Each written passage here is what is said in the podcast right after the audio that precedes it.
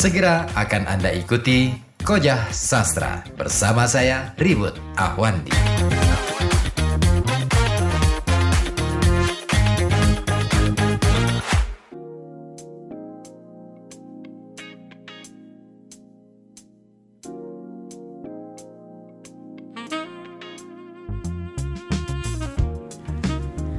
Ya, Koja Sastra masih dilanjut kebersamaan kita di menit yang ke-41 tinggalkan pukul 19 malam kali ini.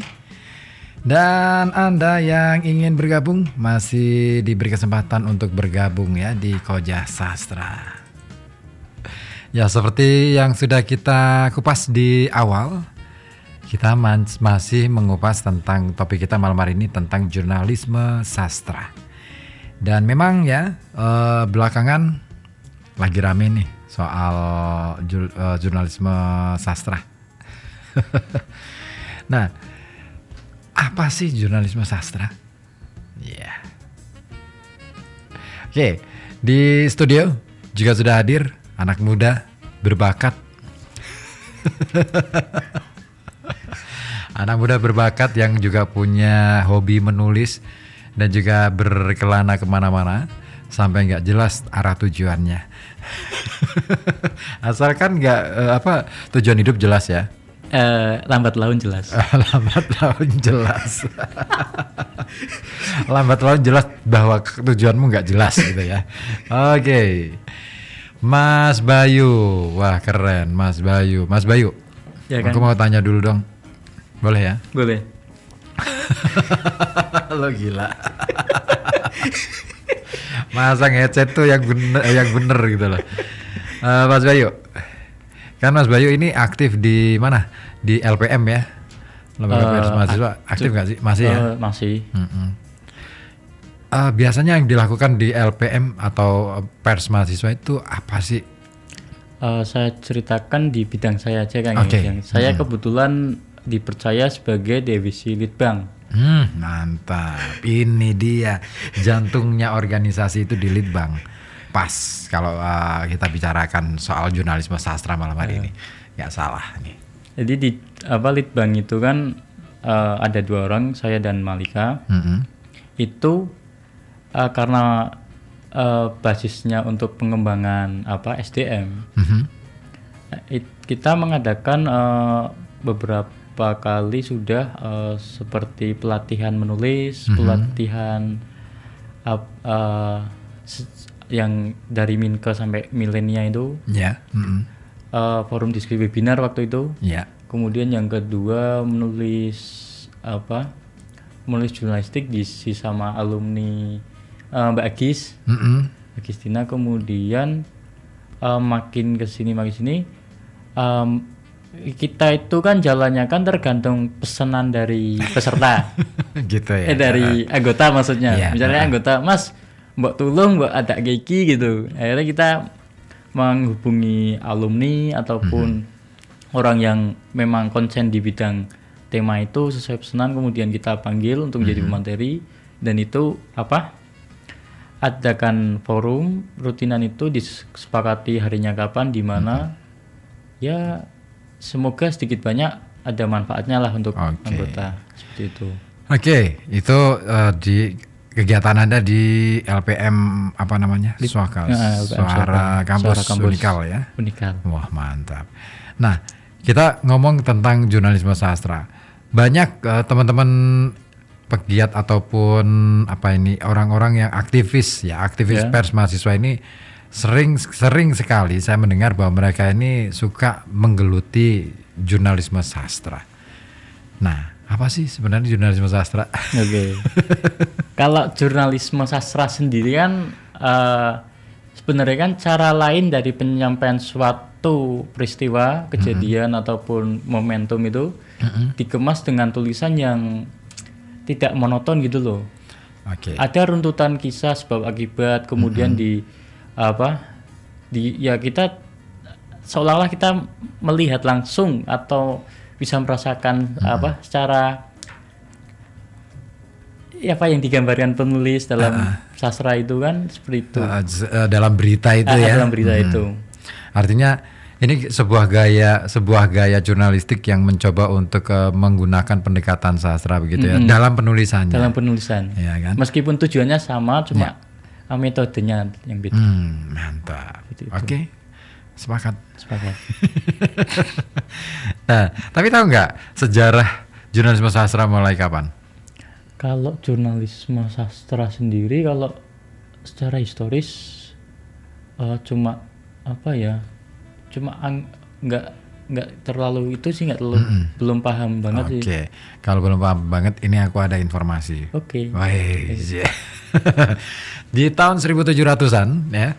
eh, seperti yang dikutip eh, di ensiklopedia digital kita yaitu Wikipedia. Wah, andalannya kan Wikipedia ya. Wikipedia.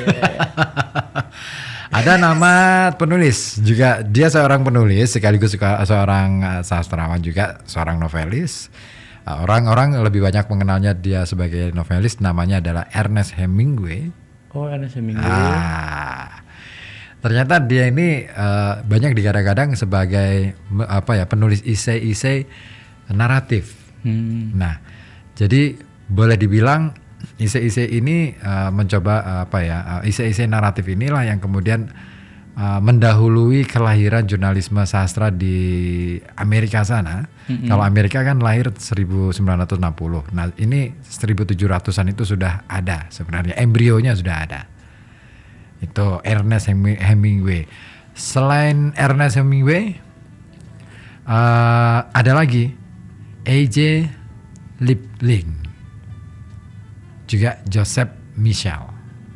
Nah ini tiga orang ini yang kemudian eh, kerap menuliskan isi-isi eh, dalam bentuk eh, ya bertutur narasi. Hmm. Nah dan itulah yang kemudian mempengaruhi penulis-penulis di Amerika sana untuk membuat hal yang sama. Di Indonesia sebenarnya sudah ada ya banyak eh, banyak eh, orang-orang yang eh, menuliskan seperti itu seperti Gunawan Muhammad seperti yang tadi saya sebutkan itu Subahasa orang Kalongan juga Hmm. yang saya sih harapannya pengen bikin acara hallnya dia How? iya kita itu Pekalongan punya banyak eh, tokoh-tokoh keren-keren Heeh. tapi jarang orang pada ngerti Antara ngerti sama nggak ada yang ngasih tahu biasanya. bisa jadi Bisa jadi. bisa jadi makanya koja sastra itu untuk mengulik eh, yang tersembunyi tersembunyi masuk. ah gitu nah ini eh, nama-nama dan fakta Eh, ini memang terkadang membosankan pembaca kalau kita membaca eh, berita seperti pada aturan eh, jurnalistik yang umum ya. Dan gaya-gaya dalam uh, jurnalisme sastra ini mencoba untuk mengubah pola itu sebenarnya bener jadi apa yang kamu katakan uh, jurnalisme sastra bukan sebuah lompatan sih sebenarnya ya tetapi cara cara lain kalau saya me- me- me- me- menganalogikakannya itu sepakat nggak Sepakat. Alternatif ya. Mm-mm. jalan alternatif gitu ya Soalnya yang sebelah sana macet ya. Harus tapi bukan jalan tol ya dan punya punya infrastruktur tuh. Kalau kalau jalan tol itu, nah ini nih ngomong soal jalan ya. Eh, katakanlah jurnalisme sastra adalah jalan alternatif, eh, bukan jalan tol dan juga bu- ju- bukan jalan yang umum gitu, jalan yang eh, biasa dilewati, artinya jalur yang umum. Kira-kira biasanya kalau kita kondisi jalan alternatif itu gimana? Alternatif itu kan eh, semacam nek istilah gampangnya potong kompas loh. Ah, ah, potong kompas. kompas, ah, ah. Ada jalan lain yang yang itu sampai tujuan kan intinya tujuan. Entah itu mampir ke mana dulu. Mm-mm. Enggak secara fisik biasanya Secara fisik. Secara, secara fisik gambaran eh, jalan alternatif tuh kayak apa? Alternatif itu yang apa rame lancar itu. Rame lancar.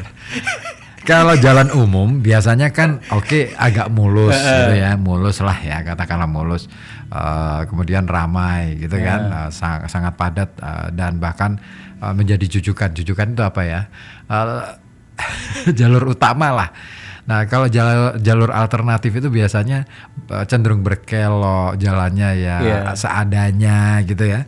Terus kemudian kadangkala ada sedikit gelombang, lubang dan macam-macam. Dan di situlah seperti dengan eh, jurnalisme sastra, dia mencoba membidik detail.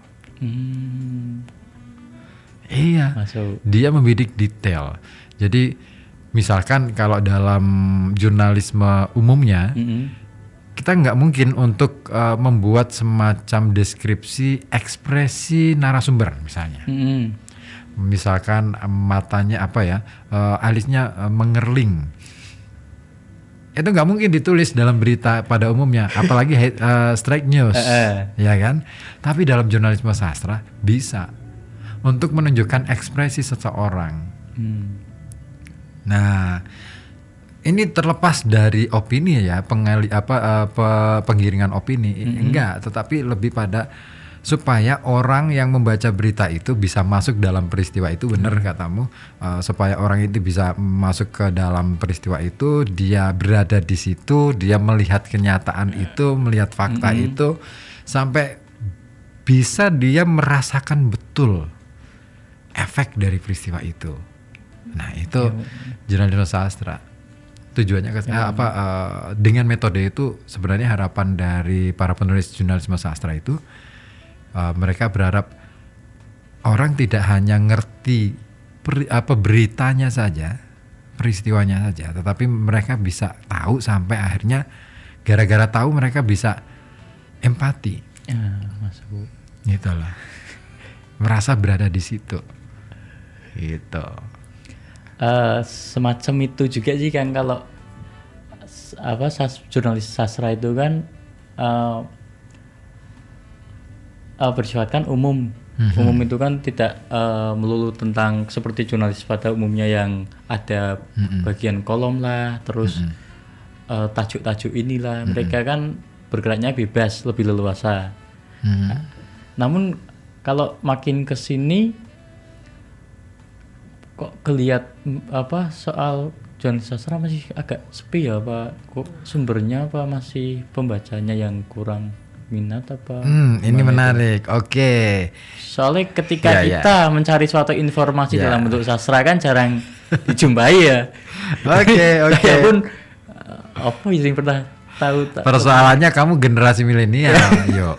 Yang nggak yang nggak kenal majalah Tempo. Oh majalah Tempo Oh, oh, nggak kenal majalah apalagi banyak kok majalah yang memampang ataupun uh, gaya gaya ber gaya penyampaian beritanya itu dengan menggunakan metode jurnalisme sastra. Nah ini adalah satu problem ya uh, kawan juga uh, anda ya uh, bahwa ternyata di generasi sekarang mengenal jurnalisme sastra mungkin sesuatu yang istimewa banget. Mm-mm. Nah ini menjadi aku jadi tertarik ini tertantang ini. Tertantang untuk eh, apa ya mengetengahkan masalah ini eh, dan anda boleh bergabung di 42474 ataupun di 0855420912. Oke, yuk kita eh, sebentar rehat dulu. Kita ke lagu dulu. Mhm, Ada Nadine Amiza beranjak dewasa.